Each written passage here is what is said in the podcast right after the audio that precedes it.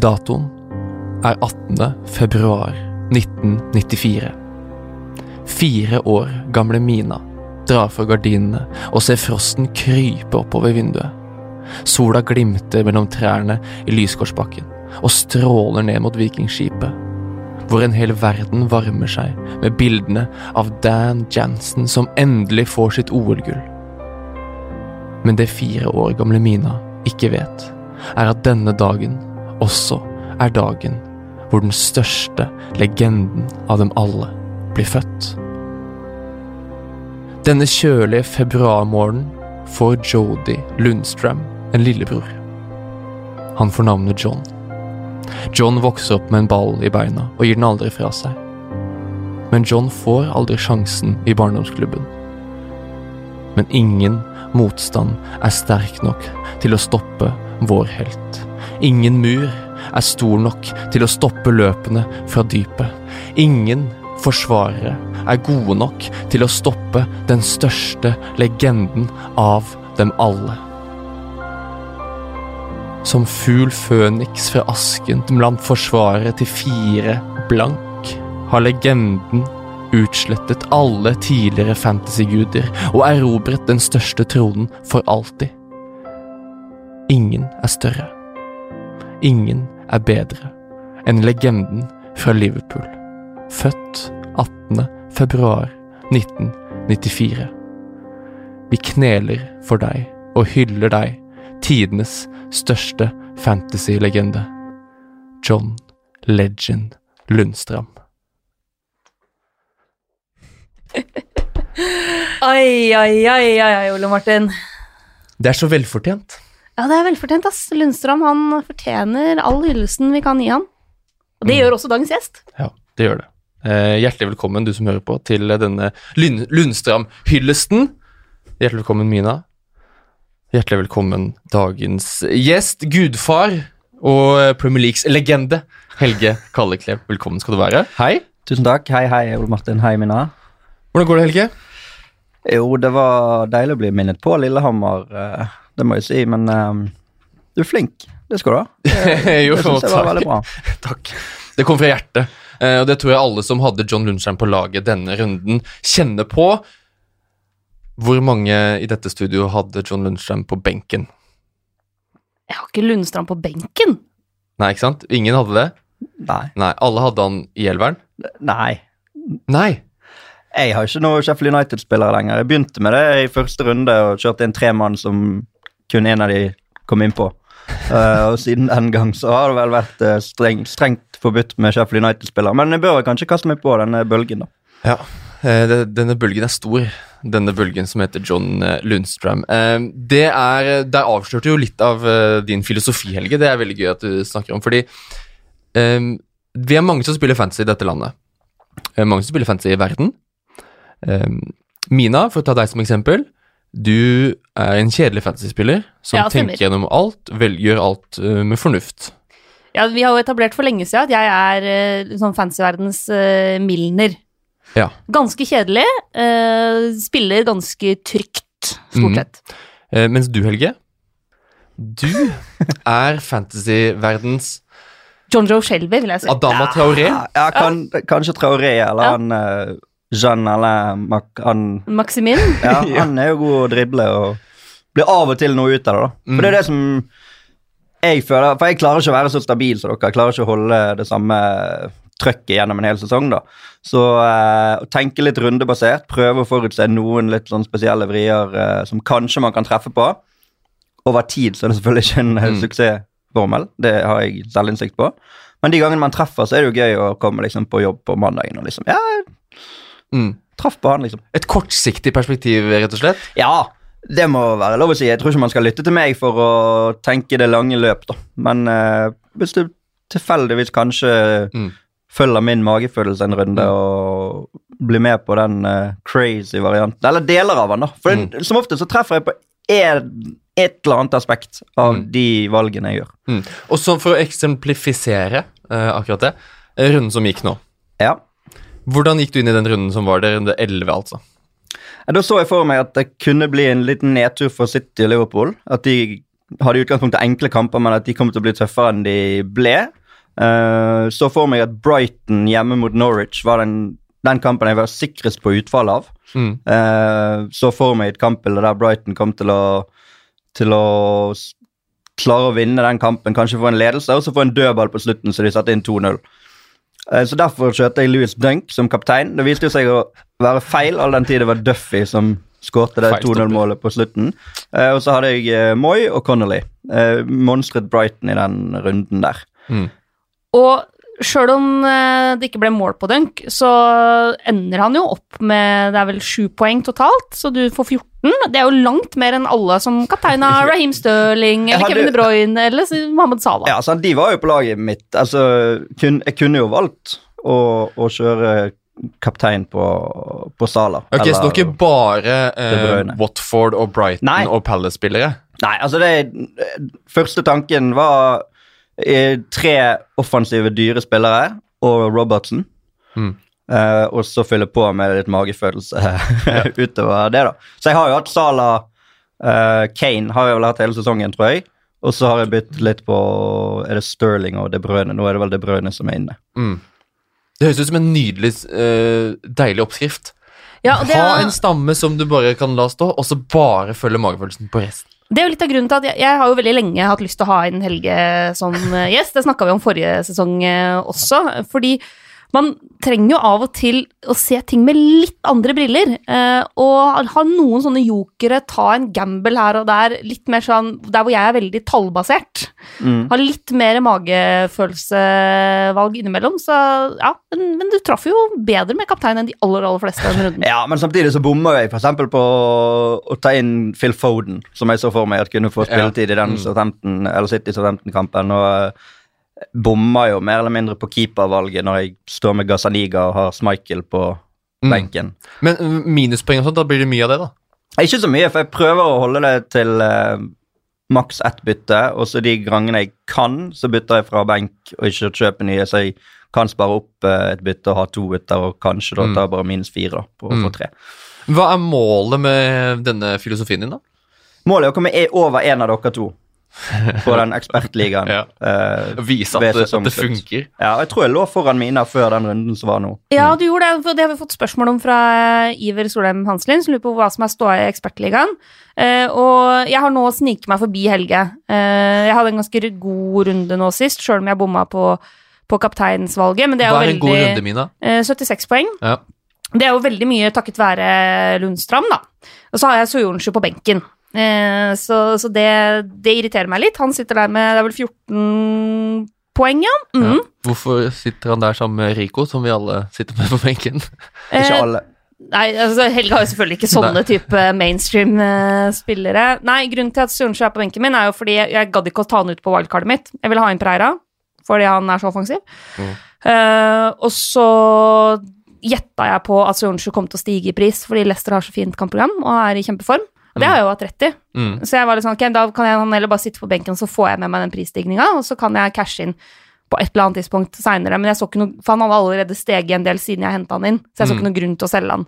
Mm. Eh, Så det gjør jo at han sitter på benken min. Eh, Og så leverer jo Tammy Abraham og Jimenez og Mané og Trent Alexander Arnold og ja.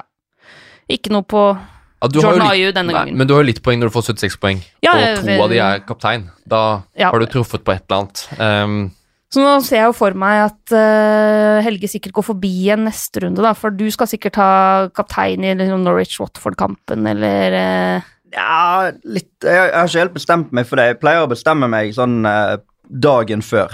Da føler jeg at jeg har delvis kontroll i hvert fall på skadesituasjonen i klubbene. Mm. Og så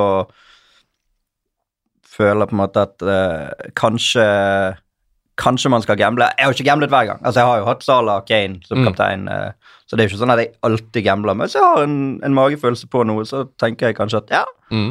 nå, eh, nå prøver vi den. Så Og foreløpig har den magefølelsen, Helge, holdt til en tiendeplass i den ekspertligaen. Vi må svare, Iver, på Mm. hva den står her. er.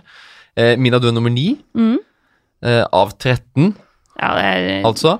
Eh, jeg er oppe på en sjetteplass nå, etter også Stirling kaptein, eh, men endte opp på 81 poeng. Det er fordi man selvfølgelig skal ha ikke bare Lundstrøm i forsvarsrekka, også Sionchu skal selvfølgelig starte. Um, men jeg tok jo minus fire før denne runden. Uh, tok ut Madison, uh, Aubameyang og Callum Wilson. For jeg måtte ha Stirling inn som kaptein. Det tapte jeg ti poeng på. Men Ja, I eh, praksis tapte ja, du enda mer fordi at du ikke hadde noen andre som Ja, men jeg hadde ikke kapteinet verken Madison eller Aubameyang. Ok. Men eh, jo, jeg hadde, ja, selvfølgelig hadde jeg tapt enda mer, for jeg hadde nok kaptein av Abraham, så 22 poeng, da. Hadde fått mer. Um, så takk for den påminnelsen, Helge. Eh, men Stirling Jeg hadde hitta inn Stirling alle dager i uka før Southampton hjemme uansett, så sånn måtte det gå. Men topp tre da i Ekspertligaen Bruker lang tid på å svare her. Uh, nummer tre vil dere gjette? Ikke gå inn og sjekk, det er Nei. kjedelig. Erik? Er han oppi der? Han er nummer fem. Ok. Så ikke Erik Thorstvedt. Eh, men det er det som heter sesonglaget. Det er det laget vi satte opp før første runde, Mina, som ikke har gjort noen bytter. Og så har Salah som kaptein hver eneste runde. De har 614 poeng. Det er mye mer Det enn det vi Det har bare stått samme laget. Eh, For der står selvfølgelig også Peres. Så det var forrige runde med Peres og var det inne, så var det en kjemperunde for det laget. Nummer to, Jon Hartvig Børrestad eh, med 616 poeng. Og så har Jon Hartvig 11 poeng opp til Solveig Gulbrandsen på topp. Det er nok sønnen til Solveig Gulbrandsen. Nei, du, så, er Solveig er jo har blitt kjempeivrig, det altså. vet jeg at hun sier, men jeg tror ikke at hun er så ivrig. Solveig har vært her for to ganger allerede. Ja, jeg vet det. Hun har, hun har tatt noen steg der, men jeg tror hun får hjelp også. Men Det er lov. Det er lov. det er- jeg skal ikke få hjelp Når det er så god hjelp, så Jeg kunne sikkert fått hjelp av min datter, og det hadde nok ikke gått noe dårligere. Nei. eh, Samme med meg òg. Min sønn på sju måneder har sikkert gjort, det mye bedre enn meg. Eh, så det var ståa i Ekspertligaen. Eh, vi går videre, vi, til nerdhjørnet. Åtte skudd på mål. 22 sjanser skapt. Heatmaps. 10 000 touch innafor 16. Minas nerdehjørne. Yes, Nerdhjørnet i dag så må vi starte med å se litt på tallene fra forrige runde. Fordi det er et par ting der som er litt oppsiktsvekkende. Den som har flest avslutninger i runde 11 er Jimenez med åtte foran Aguero og Mopai på sju. Men Lundstram er inne på topplista med fem, bare ett færre enn Mané. Flest skudd på mål er Jimenez, men på delt andreplass med liksom Mason Mount og Mané og uh, Pulisic og hele gjengen, finner vi igjen John Lundstram. Ja, Tre skudd på mål. Og han har også høyest expected goals i runde 11. Det, han er gaven som gir, gir og gir. Eh, og så har jeg også fått et spørsmål fra Theodor Salvesen, som eh, syns det hadde vært fint med litt oppdaterte tall på Mason Mount fra de siste rundene. Havna kanskje litt, litt i skyggen av eh, lagkamerater, men vi kan jo ta en kikk på det. Hvis vi sammenligner de åtte første rundene med de tre siste, så ser vi at han har, han har høyere expected goals i de første åtte rundene per kamp da, enn det han har i de siste tre. Men han skyter faktisk mer nå. Mm. Han har, han har 3,32 skudd de siste tre kampene eh, per kamp, mot 2,54 de første åtte. Litt mer, flere skudd på mål også, som er naturlig når du skyter litt oftere. Eh, Bitte litt lavere på skudd i boks, men det er 1,27 mot 1,11, så fortsatt forholdsvis jevnt. Eh, og så ligger han lavere på attempted assists, hvor han har gått fra 2,15 per kamp til 1,11 per kamp. Så det er litt sånn, ok, han skyter mer nå, skyter mer på mål nå, eh, men er litt eh, dårligere på å legge til rette for lagkameratene, eh, og har litt lavere expected goals. Men er dette tall som gjør at man bør være bekymra over Mason Mount, eller er det bare å vente på at han kommer Her tilbake? kan jo den? jeg eh, snakke for de som har hatt Mason Mount fra runde én denne sesongen, som var det helt åpenbare valget før første runde fordi at han kom til å slå gjennom denne sesongen. Og de tallene det har jo selvfølgelig litt med motstanden å gjøre. sant? Altså Enkelte motstandere har jo lettere for å slippe en til et langskudd eksempel, enn til å gi eh, rom. Mm. Og så tror jeg også at de er blitt litt mer obs på den linken mellom han og Abraham, eksempel, at det blir mindre muligheter for, uh, for han til å komme med de stikkene, da. Ja, fordi det som er interessant med Mason Mount, er Jeg bet meg merke i uttalelsene til Frank Lampard før Altså på fredag, før runden, hvor han får spørsmål om uh, rotasjon og kamp om plassene på den offensive midtbanen.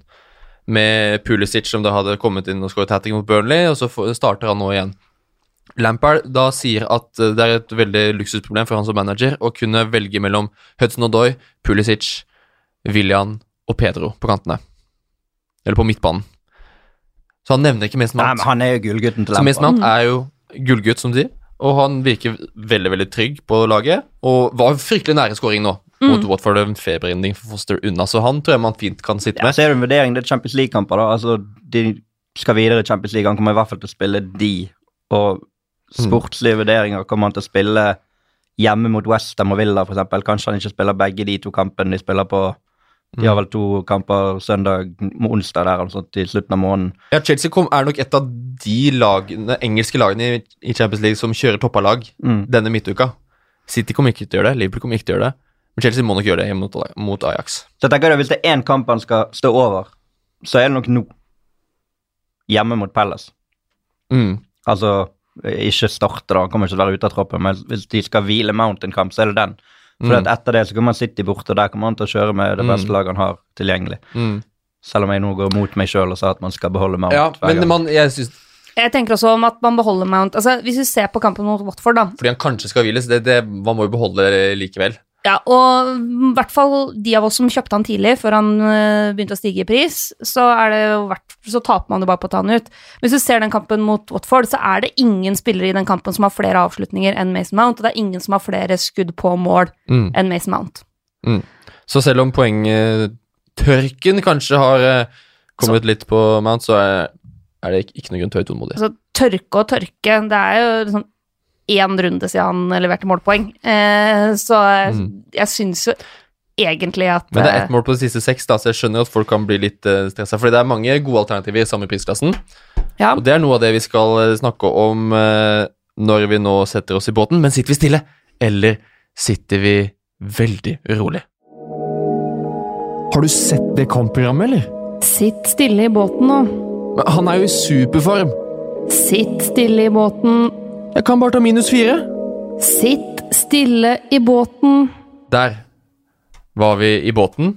Håper dere sitter godt. Eh, vi har fått inn mye spørsmål Ja, denne gangen. Det er helt nydelig, folkens. Dere er gode på å sende inn spørsmål. Veldig, veldig bra. Fortsett med det. Det liker vi veldig godt. Eh, jeg tenkte at vi kan strukturere det litt sånn eh, ledd for ledd. Så vi starter litt sånn med litt sånn forsvarsspørsmål først. Og så snakker vi oss litt, litt på midten, og så tar vi litt eh, spiseprat til slutt. Eh, første spørsmål. Anders Myklebust er jo Han er så rett på ball med begge bein. Hvis man skal velge en av disse spillerne nå, hvem velger man av Sionchu og Lundstrøm? Begge koster 4,8. Begge har ekstremt fint kampprogram i nærmeste fremtid. Hva sier magefølelsen, Helge? Magefølelsen sier jo fremdeles at Leicester er et bedre lag enn Sheffield United, og at resultatene kommer til å ta igjen Sheffield United på et eller annet tidspunkt, sier magefølelsen. Men eh, det er jo som å banne i kirken og ikke nevne Lundstrøm som det mest positive i hele verden, eh, skjønner jo jeg. Men eh, sier at de har et kampprogram som er bra, men samtidig så er jo de fremdeles Sheffield United. Ja. Men Lundstrøm er fortsatt Lundstrøm. Lundstrøm spiller altså offensiv Ja, midtbane. det gjør han jo, sant? så det taler jo for. Han kommer til å være mer Mm. involvert i, i offensive altså Hvis du skal tenke på de offensive poengene, Ja. så er det jo mer sannsynlig at han tar flere poeng eh, Ja. all den tid han, Mm. han har en helt annen rolle. Men jeg tenker de defensive poengene som også teller mye for disse forsvarsspillerne. Ja. Det er større sjanse for at Leicester holder null enn Sheffield United i egentlig hver kamp. ja, det er sant. Ja. Og så er det sånn altså Lundstrøm har jo nå først Tottenham og så United i de to neste.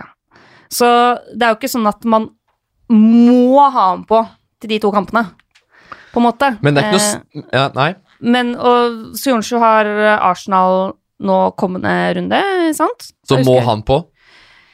Jeg syns ikke han heller må Altså, Han må jo ikke ut, da. Hvis Nei, nei, på ingen måte. ut, men man må Kommer, kommer du til å benke han igjen, Mina? Det kommer jeg sikkert til å gjøre, da, vet du. Gjør jo fort vekk det. Ja, for du har dobbel Leicester bak. Du har Pereira og Sionchu. Jeg har jo Evans. det er ingen som har han. Nei, det er bare du som har han. Ja, ja, Men uh, Evans var fryktelig nære scoring. Han Ja. Det kunne like gjerne vært han. kunne det. Men ok, for å ta det konkret nå til runden. Uh, Sionchu først. spiller Spilles han Spiller vi Leicester-forsvaret, da, mot Arsenal? Jeg Leicester er gode, altså. Ja. Men, men Arsenal, de må jo På et eller annet tidspunkt må jo de også slå ordentlig tilbake nå. Altså Det er Arsenal og Tottenham det er de som er dårligst til Premier League de siste Mm. tre kampene. er ikke det? To poeng, eh, Tre poeng til sammen eller noe sånt på de to lagene på de siste tre rundene. Mm. Men, men du føler jo at Arsenal har noe ved seg, da. Ja, og så Leicester, lenge, Det kan bli litt sånn åpen kamp, da. så lenge de har på en måte altså. Aubameyang og Lacassette, da. Eh, det, det er jo Det lukter ikke clean sheets-poeng lang vei, på en måte. Så jeg kommer sikkert til å spille Jeg tipper jeg kommer til å spille en Leicester-forsvarer, men det er litt fordi jeg har to av dem. Eh, så sannsynligvis så kommer min forsvarsrekke neste runde til å møte Manchester City, Tottenham og Arsenal. Ja, for da spiller du Lundstrøm. Ja, ja, ja. Bort mot Tottenham. Ja. Spiller man John Lundstrøm uansett hvem han møter nå? Jeg gjør det. Spiller han borte mot City? Borte mot Liverpool? Det får vi se an. Ja, men jeg gjør det nesten uansett nå, ja, tror jeg. Mm. Jeg spiller jo både Sorenchi og Lundstrøm denne runden som kommer.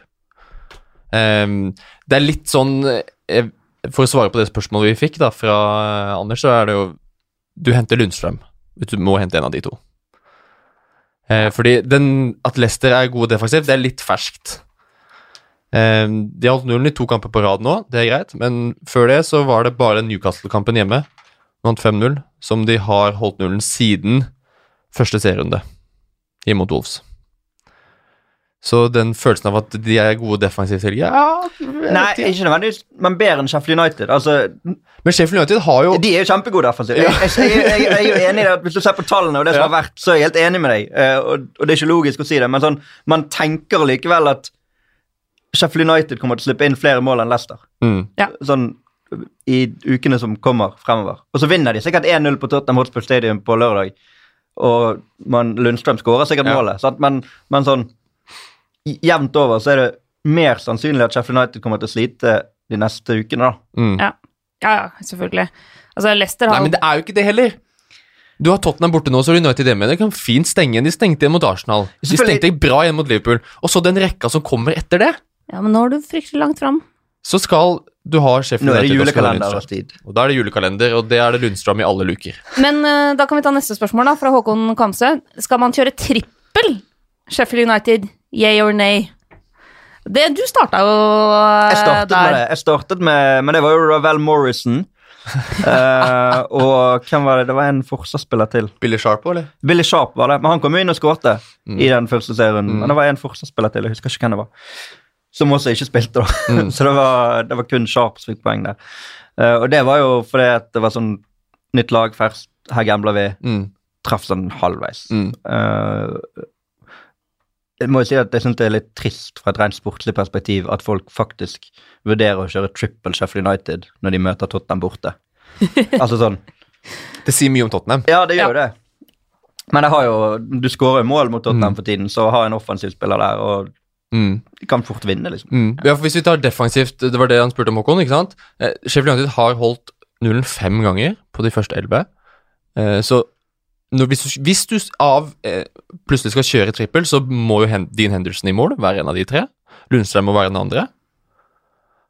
Og så ser jeg ingen problem med å kjøre en O'Connell eller en Basham eller en av disse stopperne. Ja. Um, Så jeg, Jeg- ja. ville ikke gjort det. Det vet jeg jo. Jeg ville ikke gjort det på noen som helst måte. Eh, det er kanskje Men to, da. Men var det et spørsmål, var det defensivt? Det står ikke defensivt, det står bare trippel Sheffield United, Yeah or nay. Ja, Ok. Eh, fordi en spiller som jeg tenker Lundstrøm er jo ikke defensiv spiller. Men en, en spiller som jeg tenker eh, det er verdt å følge med på, er jo eh, Lysmo Zeth. Eh, nå Han kommer selvfølgelig ikke til å ha eh, hat trick-assist i hver eneste kamp framover, men han har jo stort sett fått innhopp så langt. Mm. Han har starta to kamper, har tre skåringer og tre målgivende. Alle tre målgivende kom jo nå sist mot Burnley, men han koster 4,9. Så hvis man vil ha en sånn type billig spiss, så er det i hvert fall for å kunne bruke pengene andre steder, så er det ikke det dummeste å kikke litt på han. Du må jo ha han. Det jeg har lyst til å se. Det er jo din type spiller, Helge. Ja, ja, i utgangspunktet er det det, men samtidig så har jeg en sånn følelse av at han eh, ikke er god nok. Altså Han er ikke på det nivået her. Han har overprestert til de grader i et par uker nå, liksom. Bare sånn Men samtidig, når han, når han gjør det, så Han vurderes jo selvfølgelig etter hvert, da. Fordi at Mm. han eh, For han er en sånn X-faktor-variant. Mm. Ehm, men samtidig var vel han Wilder ute og sa at han er ikke liksom helt i form. Altså Han har ikke, han har ikke fysikken til å kunne spille hver kamp, f.eks. Han kan ikke spille 90 minutter. Så det, det vil alltid være en usikkerhet der da, rundt hvor, hvorvidt, hvis du kan si det på bergensk, Mm. han kommer til å spille. Og da er det litt risikabelt å Mm. Ikke at jeg kanskje skal bruke risiko som en faktor, men ehm, Hvis ting er risikabelt for deg, på- da han er er det ikke helt på min radar eh, ennå, da. Nei. Men jeg skjønner at folk tenker på han, fordi til, når, det, når det koster 4,9, så vil jo Dette husker jeg med Isaac Success forrige sesong. Altså, det skal Det skal så sinnssykt lite til, eh, sier jeg her som jeg sitter med Connolly. Og jeg, om to runder så kommer ikke han til å spille fotball lenger, holdt jeg på å si. Altså, det, han, det er jo kom, er jo fordømt til å ta slutt en eller annen gang. Og jeg, har, li- jeg er enig med deg, Helge, at det er litt den samme følelsen på museet. Men det kan jo Plutselig slår man jo gjennom. Sant? Altså, du, du vet jo aldri. Altså, Mm. Men jeg føler at han er han, han er ikke så god som tallene har vist at han har vært de siste ukene. Ja, jeg skjønner litt hva du mener. Skal vi ta uh, fra Johannes Gustavsen på Instagram. Mm. Skal man sitte stille i båten med Benjamin Mendy? Fordi uh, han så jo ut som et uh, kjempekjøp tilbake etter skaden og alt mulig. Eh, og så er det jo Pep som eh, pepper i vei. Så det ble ikke noe spilletid på Mendy mot Southampton. Nei. Um, Er det, Det er ikke du har ikke Mendy, Helge. Du har ikke hevet deg på det. Nei, men det, det er jo, Jeg vet ikke hvordan dere stiller dere til den City-rulleringen, men jeg syns det er så vanskelig med City. altså. altså jeg trodde jeg hadde skjønt det, men eh, nei. Stirling De Brøne på en måte er det eneste man tør å være sikker på, omtrent. da. Og ikke det engang, kanskje. Nei, det er Jeg fikk så avsmak. Jeg var, jeg var jo liksom Jeg vurderte jo ekstremt sterkt å ta inn eh, Kyle Walker nå, i stedet for uh, Altså, men å rokere om virkelig der, da. For jeg uh, hadde lyst på en forsvarsspiller på City, men så falt det ut at nei, det, jeg kan ikke rokere så mye bare for å få til, få til det. Men, Nei. men Dio er jo sånn Han taper aldri, da. Jeg laget jo en nettsak forrige uke på disse spillerne som aldri har tapt, og han er jo en av de som aldri har tapt en Premier League-kamp. Ja, fordi det er jo en Men det får jo ikke du poeng for. Det er jo mange som mener at man kanskje burde. At eh, Hvordan laget gjør det også, burde spille inn. Sånn i poengmessig. mm, For akkurat når det gjelder Mendy, um, og det gjelder hele City, egentlig, så det gjelder ikke akkurat bare Mendy, men alle City-spillere er for dyre til Altså, du må være trygg på at de spiller, da. Ja. ja, for de er veldig dyre. De er veldig dyre, og Mendy er også dyr, selv om han ikke har spilt noen ting i det hele tatt, så å si. Han koster 5,9 fortsatt. Mm. Ehm, og det er dyrt, det, til å være forsvarsspiller som ikke spiller. Altså, Så jeg skjønner at øh, folk øh, vil hive han ut av øh, båten. For å si det sånn, da. eh, Spesielt hvis- når du møter Liverpool nå. Ja, og du har eh, dyrt til seks blank, og så har du type Chilwell til 5,6. Han steger litt, men fortsatt liksom et mye safere Mm. valg for et eh, veldig solid eh, lag. Altså, du har så mange andre spillere som er, koster mindre, men som er minst like trygge, da. Ja, jeg tror Hvis du har kasta deg på Mendy-toget nå, så tror jeg du kan trekke i nødbremsen og bare gå av på nærmeste stasjon, fordi City har også forholdsvis tøft program framover. Om Mendy er den Guardiola stoler på eh, En ting er bort mot Liverpool, men så går vi hjemme mot Chelsea, altså bort mot Newcastle, bort mot Burnley, sånne type kamper. Jeg er litt usikker. Så jeg tror du fint kan bruke pengene der andre steder. Eh, når det gjelder dyre venstrebacker, så finnes det i flere klubber. Hein Råum Andreassen lurer på om Alonso kommer til å spille framover, eller om man må bruke pengene på andre ting. Er, en, er det samme sak med Alonso som med Mendy, Helge? Ja, er det ikke litt det, da? Men, men jeg ser jo jeg ser en mer poeng, offensive poeng i Alonso enn i Mendy. Selv om Mendy er kjempegod. Så ser jo Alonso han kan ta dødballer, sant? han kan ta frispark. Han har en innleggsfot som Chelsea har spillere som kan ekspedere på en annen måte enn en City. da. Altså Mendy kan ofte være med i det oppbyggende spillet, men jeg føler ofte at det, en, det blir en, eh, en annen som står for de poenggivende tingene, selv om Walker skåret sist. Altså, det er i hvert fall min følelse, da, uten at jeg er så inne i tallene som dere, at kanskje forsvarsspillerne til City ikke får like mange offensive poeng som Alonso er. Alonso har jo ikke hatt så mange denne sesongen, da, men i hvert fall tidligere sesonger. Nei, før, før runden som var, så var jo Alonso den med flest poeng på siste fire. Ja. Og den med flest touch i motstanders boks osv. Av forsvarsspillere, Mina. Stemmer ikke Og det? han koster 6-3, var det det? Mm. Og så blir han jo benka nå. Mm. Emerson tilbake. Så det er jo litt den usikkerheten Det var Emerson som spilte i begynnelsen, sant? Eller Ja. sånn, før han ble skada. Hvem er egentlig førstevalget der? Jeg syns det er vanskelig å si. Vi får kanskje Det blir jo interessant hvis Alonso nå er tilbake i førsteelveren i Champions League-kampen mot Mm. Ajax.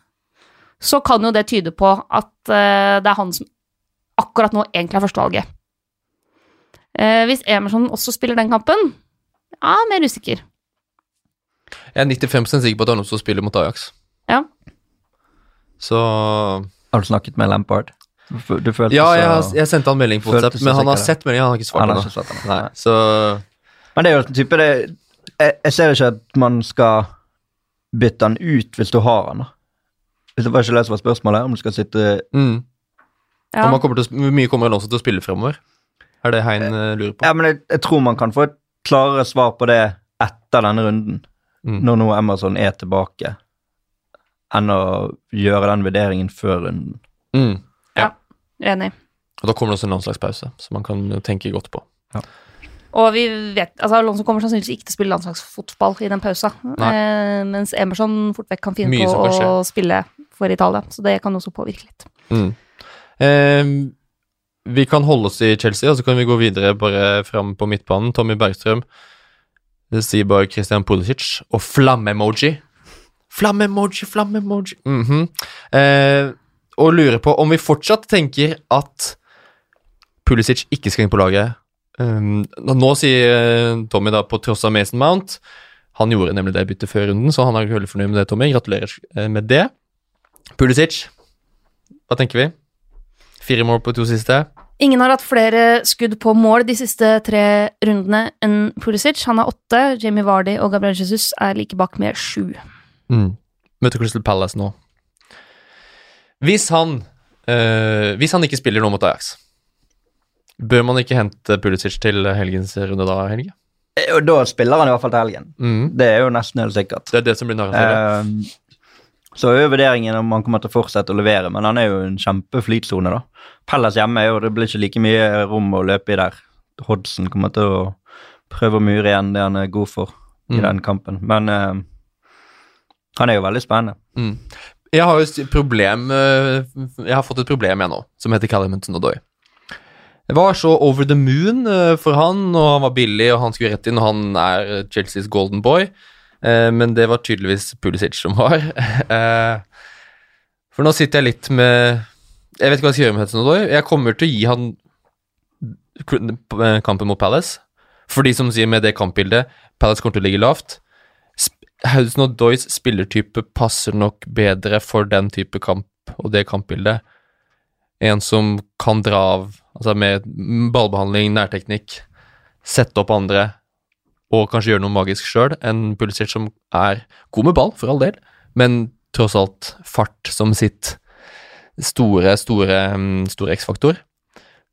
Så som vi har sagt, da Lampard kommer til å kjøre toppa mot Ajax, ganske, helt overbevist om. Og der tror jeg Pulisic er med mot Ajax. Så kanskje Jeg tror det. Spiller Ja, jeg tror det. Jeg tror Pulisic starter mot Ajax. Jeg er ganske, ganske sikker på det. Så mm, jeg tror man skal vente med Pulisic, ja. Enda en runde. Hva ville du gjort, Mina? Så du vet jo hva jeg ville gjort. Jeg, jeg, jeg venter jo. Ja. Du vil ikke ha han i det hele tatt? Det er Jo, usikkert. altså, men jeg har to Chelsea-spillere allerede, på en måte. Ja. Og jeg har Tam Abram og Mason Mount, jeg. Og jeg har ikke noe behov for å da hive inn Pulisic i tillegg, Nei. Den, jeg ser, ser det. sånn i utgangspunktet. Eh, Men han ser jo voldsomt bra ut, har veldig, veldig fine tall fra de siste kampene. Og er jo i ferd med å på en måte finne seg litt til rette i England. Det er jo nå han liksom virkelig har begynt å de siste kampene få, få tillit, få spilletid. Uh, fryktelig spennende spiller. Uh, lett å glemme hvor ung han er. Så Mm. vi snakker jo så mye om de andre, på en måte, men uh, han er jo Han er jo gammel gammel i Chelsea, da. Han er yngre enn Tam Ja. Abram, Ja, men alle andre er jo 17-18. men ja. Så Har du noen av disse Jeg har Mount og Abraham, ja. Ja, ikke sant? Ja. Da blir det ikke noe Nei, amerikanere jeg inn kommer ikke til å hente Pulisic. Nei. Kunne jo vurdert å hente William. mm. Ja. Ja. ikke sant? Fordi du er mer der. Jo, men Det handler om Det syns jeg er en uting i seg sjøl, at det blir så veldig mange like lag, da. Og jeg er jo en litt motvekt til det. Eh, og, og, Det er jo det man må være òg. Ja, men samtidig så i det lange løp så skjønner jeg at det lønner seg ikke, da. Men, men jeg, jeg tror jo det at folk er mer Det er gøyere å treffe på de som bare du har, da, enn de som du har fått beskjed av dere om å ta inn.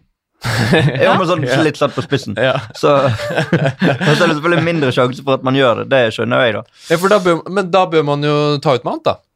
Siden alle vil sette inn Pulisic. Da. Ja, egentlig.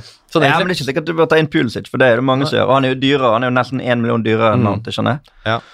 Han er oppe i prislassen med Marcial Martial Madison. Den dyreste midtbanespilleren til Chelsea, sant? Pulisic. Ja, han er det. Ja. Han er det. Ehm, så det, han er jo et av de alternativene til Det er mange i den klassen der. Syv, syv og en halv.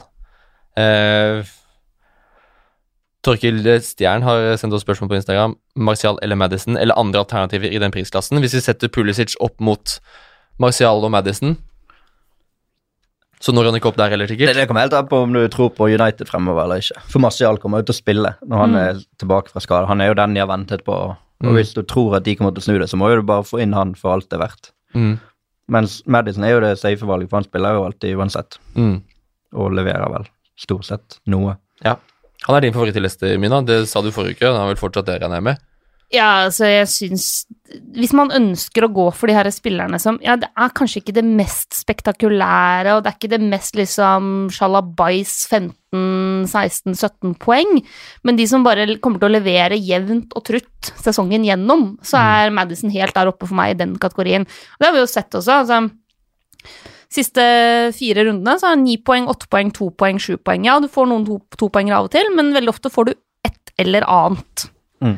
Og ja, i den kampen mot Southampton hvor alle andre bare går helt bonanza på poengene, så er det ikke Madison som eh, har noe hat trick og har tosifra, men han leverer åtte poeng da også, og det er, jevnt, liksom.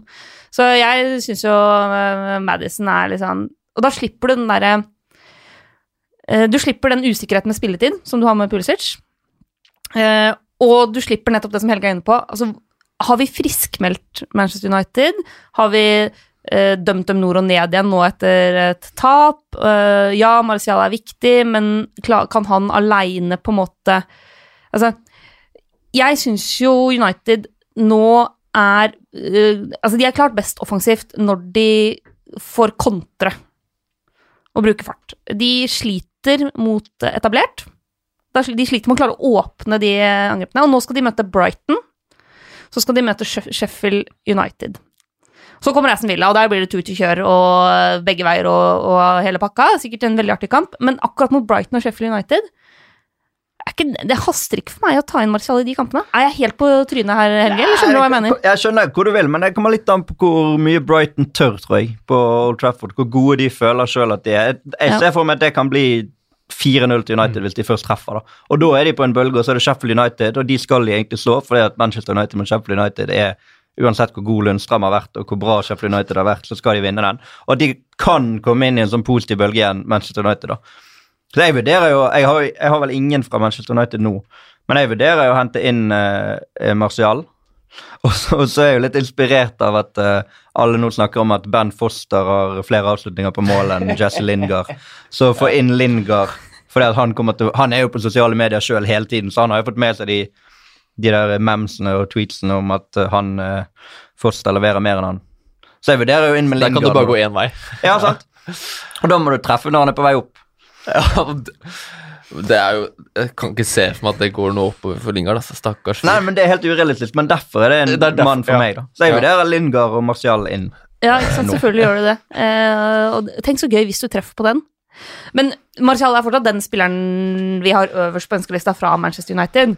Og jeg tror sånn, hvis jeg kunne hatt Jeg har lyst på han, ass. ja, hvis jeg kunne hatt flere midtbanespillere på en måte enn det jeg allerede har, Mm. så ville han uh, Han er din nummer seks. Ja, eh, ja, eller hvis jeg hadde hatt råd til å Jeg kunne for så vidt hatt han som nummer fem også, hvis jeg hadde hatt råd til det, og så bare dumpa en av spissene. Mm.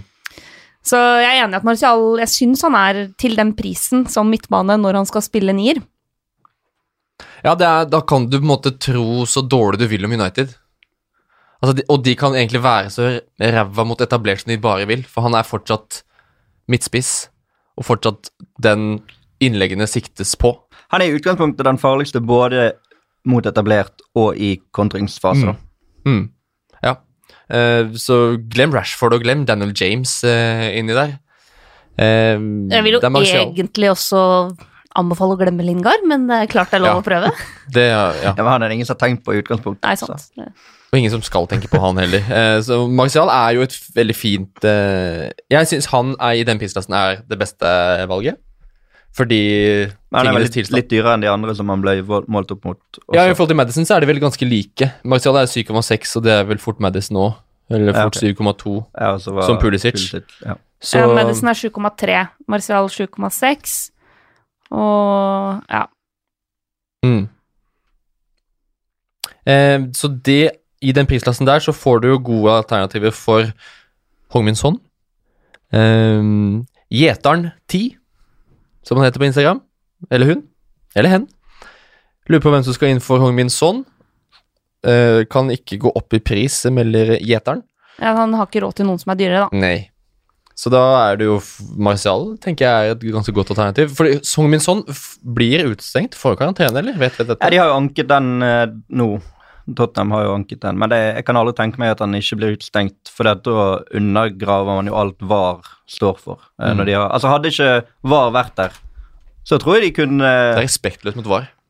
Ja, jo, men altså, det er litt rart at én instans skal på en måte Ja. overprøve en annen, men eh, jeg skjønner jo at de anker, for det at han Altså, det kommer an på hvor godt de klarer å argumentere, da. Mm. Hele den situasjonen ble veldig spesiell. Eh, vi klarte ikke å se reprisene sjøl. Kanskje de var rommet heller Ja, de- ikke orket å se reprisene. Altså, de, selv om det er det de må for å gjøre avgjørelser. Men når du ser det med en gang, da, og han, Mm. du, vet, du vet at han nettopp har fått den albuen, og, du tenk, og hvis du da tenker 'oi, det der gjorde han med vilje', så går det vel kanskje an å forsvare det røde kortet. Selv om taklingen i seg sjøl ikke er en rødt kort-takling. Hvis, Mm. hvis du skjønte den argumentasjonen, da. Ja. Ja. Men han, han vil jo ikke at det skal bli så stygt, og det er ikke han Det er ikke det at han gjør det, som gjør at det blir så stygt. Nei. Men får du rødt kort av dommeren i en kamp Altså, i, i, sel, I selve kampen så skal det fryktelig mye til for at de går tilbake på det, tenker jeg, og stryker den karantenen. Ja. Jeg Man må i hvert fall regne med at den karantenen kommer til å bli stående. da. Mm. Men Tottenham vil man kanskje ikke ha uansett. Altså, jeg vil kaste inn en joker her. Du var jo så gira på sånn forrige uke, Mina. Ja, er du fortsatt det? Nei, altså Han kommer til å være utestengt, så jeg er jo ikke gira på en fyr som er suspendert, liksom. Kan gamble på at han ikke blir utestengt. Ja, men, ja. det får vi heldigvis eh, svar på før runden. Men eh, Dele Ali. Ja, der kommer det, ja. Eid av 0,7% Har du stjålet manuset mitt? Koster 8,4, så han er en god del billigere enn Hangmin Son. Og eh, ja, ok, etter at han kom tilbake, da, så er det, det er tre mål på to kamper. Nei, to mål på tre kamper, mener jeg. Og må jo ta mer plass offensivt med Hongmin sånn ute. Og Eriksen er jo Ikke noe poeng å ha på laget. Nei, hvis man har på en måte bestemt seg for at han kommer ikke til å Det kommer ikke til å løsne for han, og det ser jo kanskje sånn ut per nå, da. Problemet til Ellie er at han er avhengig av bevegelsene rundt seg for å fungere, og at sånn er den som er flinkest til å gjøre Ja. de bevegelsene. Så det at sånn er ute, vil også hemme Ellie. Men hvis du liksom tenker at ja, men Jesse Lingard alt, kan du bare gå med, da kan du i hvert fall tenke på Del Alli. Ja da, altså, han har jo et potensial, absolutt. Og som Mina sier, han har jo skåret to mål nå på tre kamper. Eh, Programmet til Tottenham fremover nå, da? Det er ikke, liksom, det er ikke så halvgærent. Uh, nå er det Sheffield United hjemme, så er det Westham borte, så er det Bournemouth hjemme. Så kommer Manchester United borte, Burnley hjemme, Wolverhampton borte, Chelsea hjemme, og så er det Det er Brighton. Norwich, Southampton. Må du ha et så langt perspektiv på det? Nei, nei. Nei, ikke egentlig. Hvis vi tar de tre neste kampene. Sheffield United, Westham, Bournemouth. Litt eh, Det er usikker på skadesituasjonen til Lamela, for eksempel. Ja. Mm. For han òg kan få Ellie til å fungere, men eh, hvis Kane er syk, Mm. og sånn er ute, så må Lucas inn og spille der, sant? På et eller annet tidspunkt må de kanskje gi Lo Celso sjansen fra start. Mm. Føler ikke at eh, eh, Altså, jeg, For at Ellie skal fungere, så må han ha mye bevegelse rundt seg, tror jeg. For han er flink til å gå opp og gjøre de riktige tingene når det er nok kraft og bevegelse rundt han. Mm. Og må Eriksen som ser at Kane drar med seg første, tar den første bevegelsen og åpner opp for Ali, og så kan Eriksen prikke den på han. Ja, sånn litt forenklet, For å si det, ja. kanskje. Jeg, er litt, ja, Men det, jeg syns det er et godt poeng. Han Ja. trenger de Han Kanskje se da Ja, se litt an hvordan er en god eh, birolle. Han er aldri den hovedrollen. Se litt hvordan Tottenham eh, ser ut nå i Champions League også. Ja, men den røde stjernen, det Ja. Ja, sant. Det var De vant 5-0 hjemme mot Røde Stjerne, og da liksom var, var de friskmeldt, og så Mm. var jo ikke de det likevel. Sant? Så. Hvis man ønsker altså, som sagt, Jeg syns Madison er et godt alternativ. Det er en god del billigere. Jeg syns Marcial er spennende. Eh, hvis man ikke har Chelsea offensivt, så er det en naturlig vei å gå. Eh, hvis man skal tenke enda billigere og bare bruke pengene et helt annet sted, så kommer jeg igjen trekkende med McGinn. ja, ja. Jo, men jeg mener det. Selvfølgelig. Er du gæren? Eh, han, eh, han koster fortsatt bare 5,8. Mm. Vi har fått spørsmål fra Johannes Gustavsen også om uh, Grealish. Ja. Var ikke med likevel mot Liverpool. Ja, han var meldt nesten klar, og så var De som ikke har Grealish, bare kjapt, bør de spare på han? La han sitte i båten? Nei, han må være nå. Ja. Borte mot Wolves. Mm. Sånn her eh, Midlands-derby. Han, han sitter jo og skjelver nå på en tirsdag eh, før den kampen. Han er jo superklar. Så han kommer, han kommer gjerne til for kort, opp, men han kommer i hvert fall til å gi mye. Mm. Så sitt stille i båten, Johannes. Siste spørsmål på midtbanen. Kanskje det største av dem alle. Ludvig Frydenlund sier at vi må snakke om hva man skal gjøre med Mohammed Salah. Ja. Det var jo Altså, folk måpte da han ble tatt, han ble tatt av der. Etter 64. To poeng. Liverpool trenger mål. Salah skal ut. Hva skjer? Men, men er ikke litt enig i vurderingen? Altså, du, du vil jo ikke ta ut Mané, og du vil jo i hvert fall ikke ta ut Firmino Nei. når du trenger mål. Mm. Nei, har han, blitt, har han blitt den første som plukkes av, liksom? Ja, det tror jeg. Ja, i hvert fall av de tre. Jeg er helt enig. Ja, ja, ja, Altså, de tre. Mané-Sala-diskusjonen er Det er ikke noe diskusjon lenger. Det er klink Mané.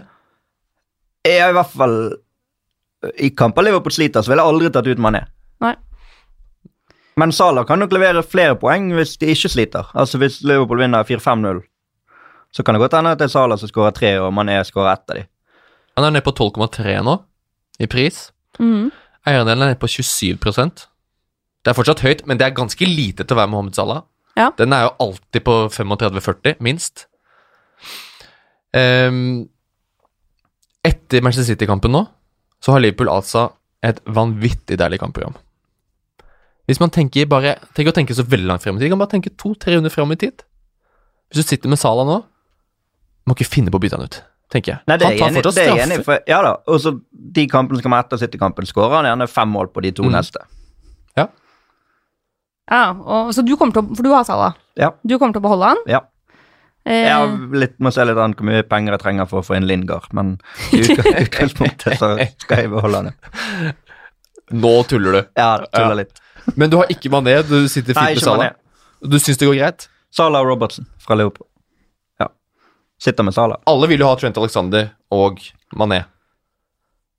Men da er det der man kanskje bare må tenke at ok, hvis alle andre gjør det, gjør det så kan jeg klare meg vel så godt med Salah. den og skåringa til Robertson nå Ja, hvis du kan, hvis du kan Hvis Salah kan være en sånn halvveis differensial, så er det, da må du ha han. Ja, fordi hvis det er 27% som har han, 10, kanskje 15% av det er døde lag. Ja.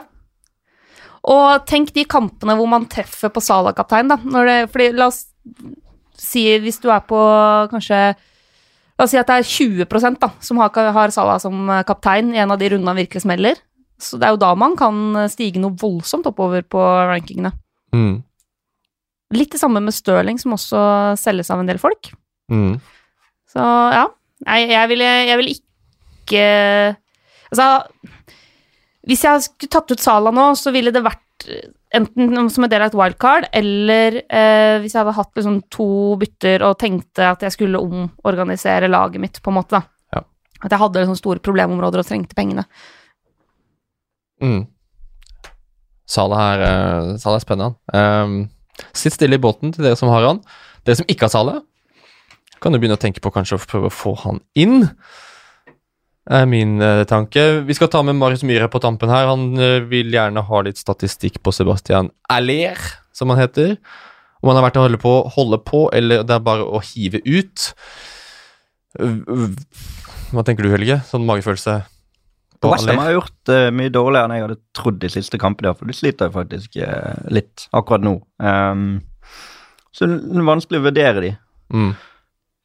Ja, det synes de ser, det ser ikke bra ut i det hele tatt. Jeg får dårlig Nei, feeling så- på alt. Nå slipper inn tre mot Newcastle en ting, Ja, men, men så har jeg liksom følt at de Nå kommer de. Altså Nå er liksom Westham nå er de å regne med. De, for de startet jo veldig bra. Altså Mm. De så jo Pushet jo Altså De var jo liksom Leicester og Westham var jo de som kanskje kunne være med her. Og så har de vel fire eller fem uten seier nå. Fem? mm. Fem kamper uten seier. Det, er vanskelig ved det. For jeg, jeg føler at de får for lite betalt. da. De ser bedre ut enn de er. Mm. Nå er de Burnley borte. Burnley som skal slå tilbake etter å ha blitt grust sjøl. Det kommer til å bli sånn der knokkelkamp. Og hvis ikke de er på der, så kan de fort bli grust der òg, liksom. Ja, og hvis du ser på, hvis du ser på Aller de siste tre kampene, da, eh, så har han, han har like mange avslutninger på mål som Tam, Tam Abram. De er omtrent samme prisklasse. Eh, Tam Abram har mer skudd totalt. De det er tolv mot elleve, men begge har seks on target. Eh, Abram har ni mot Aller sine ti inne i boksen. Eh, og Aller leverer også helt greit på forsøk på assist og sånne type ting, så det er liksom ikke så Altså, tallene er ikke så halvgærne. Eh, problemet er jo at det er et, et lag som ikke helt får det til å fungere. Er det ikke bare å hive han ut og få inn Jimenez? Jeg bare sier det alle tenker. Jeg tok jo inn Jimenez før den runden her, jeg. Jimenez er 0,1 billigere. Det hadde jeg gjort på flekken, altså, hvis jeg hadde hatt Aller. Og ingen andre ting hadde brent, selvfølgelig, i laget der. Um, Westham har jo også en blank i runde 18, så det går an å tenke litt på den hvis man liker å tenke langt fram i tid. Helt til slutt, før vi går videre til duellen, hvem er verdt å ta et hit for til helgens runde? Og minus fire, hvem kan tjene inn minus fire poeng til helga? Helge, jeg begynner hos deg.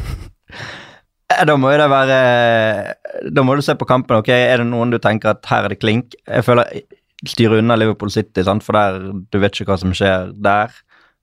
Da tenker jeg kanskje Martial. da. United hjemme mot Brighton. Mm. Så er jo det en gambling, for du vet ikke om det funker for United, men er det ett lag det virkelig kan løsne for? Jeg ser liksom ingen andre lag som kan vinne med tre-fire mål denne runden der. Nei. Hvis ikke Burnley gjør det mot Westham. Ashley Barnes. Hitte inn Barnes der. Det er jo musikk i dine ører, Mina. Ja, Jeg er veldig glad i Ashley Barnes. Altså, det finnes jo ingen grunner i verden til å ikke være veldig glad i Ashley Barnes. Mm. Både som, eh, som menneske, fotballspiller og eh, fantasyvalg. Eh, men eh, altså, Jamie Vardy, da. Ja, han skal møte Arsenal, men han skal møte dem på hjemmebane. Mm. Eh, og Han pleier å skåre mot topplagene. Jepp, pleier å skåre mot mål. Eh, jeg var jo, Før vi gikk i gang med podkasten her, så var jeg med som gjest i podkasten til Kasper Vikstad, Premier League-podden. Eh, og vi snakka om det. Altså, Jamie Vardy er jo en spiller som bare lever og ånder i kaos, konflikt og drama, og som bare liksom spiser alt det der til lunsj og bruker det til å score mål.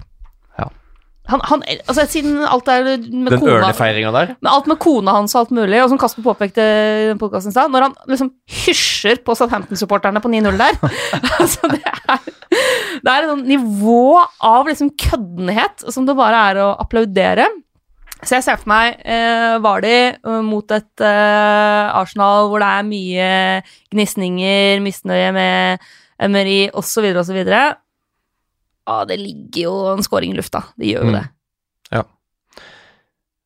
Jeg vil si Raúl Himnes imot Villa. Um, og så kan vi gå videre til duellen. Nei, nei, nei, nei! Nå er du helt på bærtur! Det er jeg helt uenig i! Mener du det? Duellen. Og vi klarte ikke å holde oss. Eh, Det var liksom litt av planen. Ok, vi må vente, vente, vente til duellen, fordi den er, den er liksom, det er stor duell i dag. Men vi klarte ikke å unngå å snakke om Mahmoud Salah. Og så nevnte vi så vidt Raheem Stirling inni der. Fordi, som Rune Moen Wilkinson skriver på Facebook-gruppa vår, TV2 Fantasy, Salah eller Stirling i runde 12. De møter hverandre. Og hvis du tar bort Hong Min Son, som fikk rødt kort, og David Silva, som eh, er skada, så er det ingen flere Altså så er Mohammed Salah og Raheem Sterling de to midtbanespillerne som flest har solgt før de skal møte hverandre. Så spørsmålet er er det en god idé å selge en av de. Vi har snakka mye om Salah allerede, så der har vi kanskje avslørt eh, svaret. Men Stirling, med ett poeng imot Southampton, så er det mange som er utålmodige. Men det er fortsatt de to midtbanespillerne som er dyrest. Før sesongen så satt vi her og sa Salah og Stirling, det er de to du må ha på laget. De kan bytte på å være kaptein hver eneste runde, du slipper å tenke noe mer. Nå har vi ikke spilt en tredjedel av sesongen, og folk kipper dem ut. Hvem av dem skal man beholde av de to, og hvem av dem kan være på tide å si farvel til? Mina, hva sier tallene på de to? Eh, tallene Hvor mange runder vil du ha tilbake? Jeg vil ha fem runder tilbake. Fem runder tilbake. Da skal du få, nå må jeg bare regne, 7, 8, 9, 10, 11. Ja, det er fra Gameweek 7, ja. Jeg må telle litt på fingra. Helge, hva sier magefølelsen først? Vi starter med magefølelsen.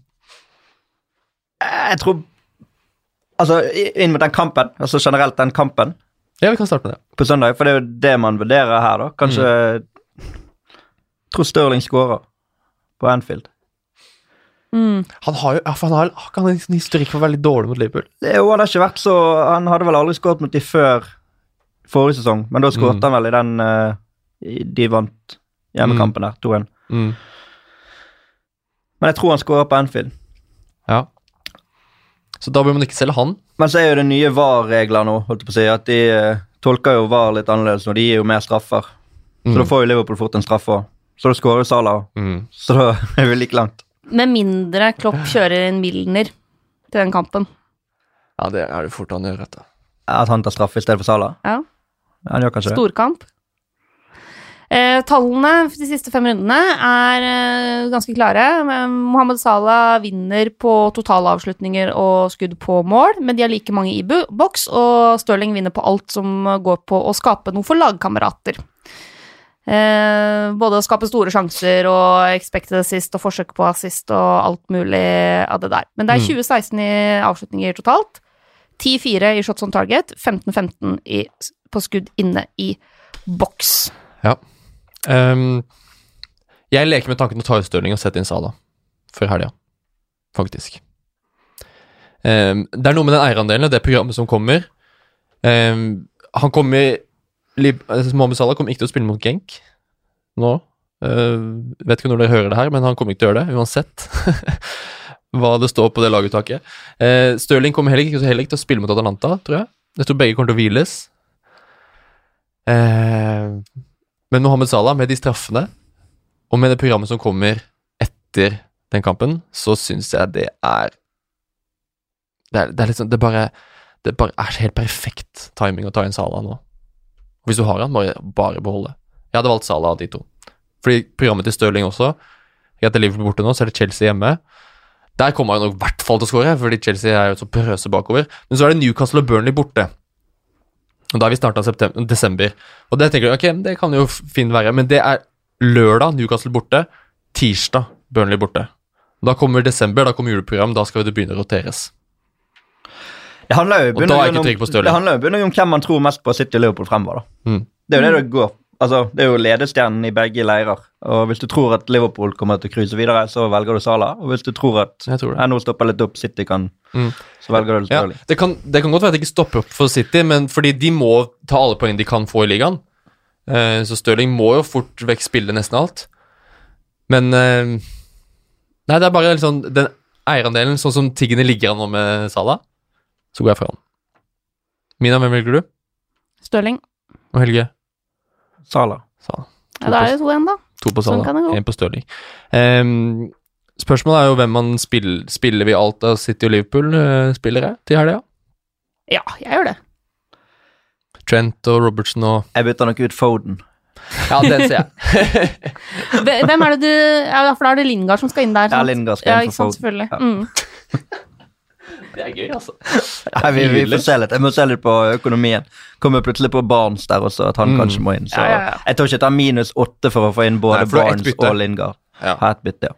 Mm. Men jeg tar nok minus fire for å få inn Lingard og Martial, hvis det går. Vi får se. Klokkertro United, hva, har du noen tidlige tanker om hva du skal gjøre før helgen, Mina? Eh, jeg tror i utgangspunktet jeg skal prøve å spare bytte. Jeg er jo dritkjedelig. Eh, Men eh, To bytter i landslagspausa, det, jo, Ja. det står jo på veggen hjemme hos deg. Det er, det er viktig, det, vet du. Tatovert. Eh, Det det, er tatovert på overarmen. det betyr at jeg skal fortsette med min eh, deilige, deilige spissrekke av Tam Abraham, Raúl Jiminez og Jordan Ayu. Altså, Mm. for ei drømmerekke Mhm. eh, å ha offensivt. Du sp- Eh, Ja. Eh, hvem blir kaptein? det syns jeg er kjempevanskelig. Kan man kapteine Sadio Mané? Man kan jo det. Ja, du Selvfølgelig kan jo kan man det. det. Men det er jo rimelig å anta at det ikke blir veldig mye mål i den kampen, kanskje. Selv om jeg nettopp sa at både Sterling og Salah kommer til å skåre. Men det er litt Ja. tilbake til det vi sa i sted. da. Hvem tror du kan vinne mye i den runden? Og da ser Manchester United ut som det laget som kan gjøre det for min del. Ja. Mm. Eh, jeg sitter også litt med eh, Altså, Wolverhampton mot Aston Villa. Eh, en ting er om noen kan vinne mye, men det er jo en kamp hvor det kan finne på å bli en del mål. Mm. Wolverhampton har hjemmekamp i Europa League på torsdag. Mm. Kan vi ta med der? Så eh, Jimenez, hvis man vil ha en jokerkaptein, er en mulighet. Uh, Tammy Abraham hjemme mot Crystal Palace. Mm. Det er, altså, ja, Palace er vanskelig, men det er jo fortsatt uh, et Chelsea-lag som er voldsomt målfarlige. Så det, det er i hvert fall verdt å vurdere. Mm. Altså, vet du Vardy. ikke, altså Vi snakket om Tottenham og vet ikke med de, og Kane er syk og sånn. Hva gjør man med Kane? Har dere, er han liksom ute? Jeg har ikke tenkt på Kane på år og dag. Nei. Eh, Nei, han Han må jo bli syk frisk. nå sist, sant? Men Ja. du driver vel ikke og er syk i en uke? Nei. Nei, det er du ikke. Så er spørsmålet om han spiller nå i Champions League. Der får vi jo på en måte svaret hva man gjør. Hvis, uh... Han spiller jo alltid hvis han kan spille. Ja. Altså, han må være ja, han, han, ja, han må være i koma hvis ikke han spiller. Altså, han er forventa å være tilbake igjen fordi jeg er Champions League i morgen. Han er forventa å være klar til den kampen. Mm. Ja. Så i så fall er det jo bare å holde han, tenker jeg. Ja, men han får jo ikke til noen ting mot Sheffield United og Lundstrøm. Det går jo ikke. Så hvis du skal ha kaptein i den kampen, skal du ha Lundstrøm. Det ville jeg faktisk heller gjort. Jeg ville heller kapteina Lundstrøm istedenfor en Tottenham-spiller i den kampen. Um, men foreløpig står kapteinspinnet midt på Jamie Vardy. Ja. Uh, så det blir han eller Abraham, tror jeg. For min del. Um, Det er litt gøy når eh, Liverpool og City møter hverandre, fordi da må man Da blir man litt, veldig frista til å tenke litt alternativt. mm, Og gjøre noe litt artigere med kapteinsbindet. kapteinspinnet. mm. Syns jo det er morsomt når det er det er- jo morsomst når ikke alle har de samme to kapteinene, på en måte. Ja, definitivt. Ja. Det er det som er gleden. Det er Jeg går nok vekk fra dunk.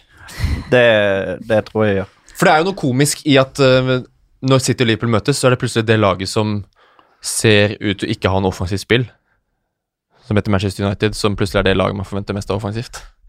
Ja, men det, det er noe med potensial da, Ja. og motstander. Ja. Altså. Men jeg er jo helt enig. Det er jo rart å sitte her og si at nei, vi må ha Martial som kaptein. Men uh, It's a funny world, eh? ja. Ja, det er akkurat det der. Eh, og det blir en nydelig runde, tror jeg, fordi det er fredagsfrist. Tenk deg det. For Norwich skal møte Watford fredag kveld. Det er en fredagskveld for de spesielt interesserte. Det kan Eh, bli kaoskamp! Ekstremt viktig kamp, da. Ja, kjempekamp. Ja, det er, eh, det er fredagen sin. Men det er vel kanskje de to eneste lagene vi ikke har vært innom noen spillere fra i løpet av den timen som har gått nå. Ja. Mm. Og jeg tror vi skal la det bli med det. Med mindre du har tenkt å hive inn uh, noen uh, Nei, det går bra. Nei. Jeg hadde jo Delofeu som kaptein her en runde. det Gikk jo ikke det. Fikk seg straffe der, da, på tampen nå sist. Men Norwich Watford de spiller altså fredag klokken 21.00. Det betyr at fristen folkens, er fredag kveld klokken åtte. Og så fra fredag så går det slag i slag, og så bygger det opp den perfekte dramaturgi som får sitt klimaks søndag kveld på Anfield med Liverpool Manchester City. Det blir altså så heftig. Men heldigvis så kommer det en landslagspause etter det, så vi kan få en pusten. Vi får noen ekstra dager på å eh, lande litt. Så det betyr at det, det blir to uker til vi eh, sitter i dette studioet igjen. Tusen, tusen hjertelig takk for besøket, Helge. Vær så god. Det var Takk veldig kjekt. din, eh, Takk for at jeg fikk komme. Vi gleder oss veldig til å følge laget ditt eh, Ja, videre gjennom Ikke hør på meg, det må være rådet til folk. Nei, men hør på deres egen magefølelse, folkens. Det er rådet. Og eh, takk for at du er du, Mina. Og takk for at du har hørt på. Lykke til med runden, Helge, Mina og alle dere som hører på. Måtte det bli gull og grønne piler for dere alle sammen. Bye, bye.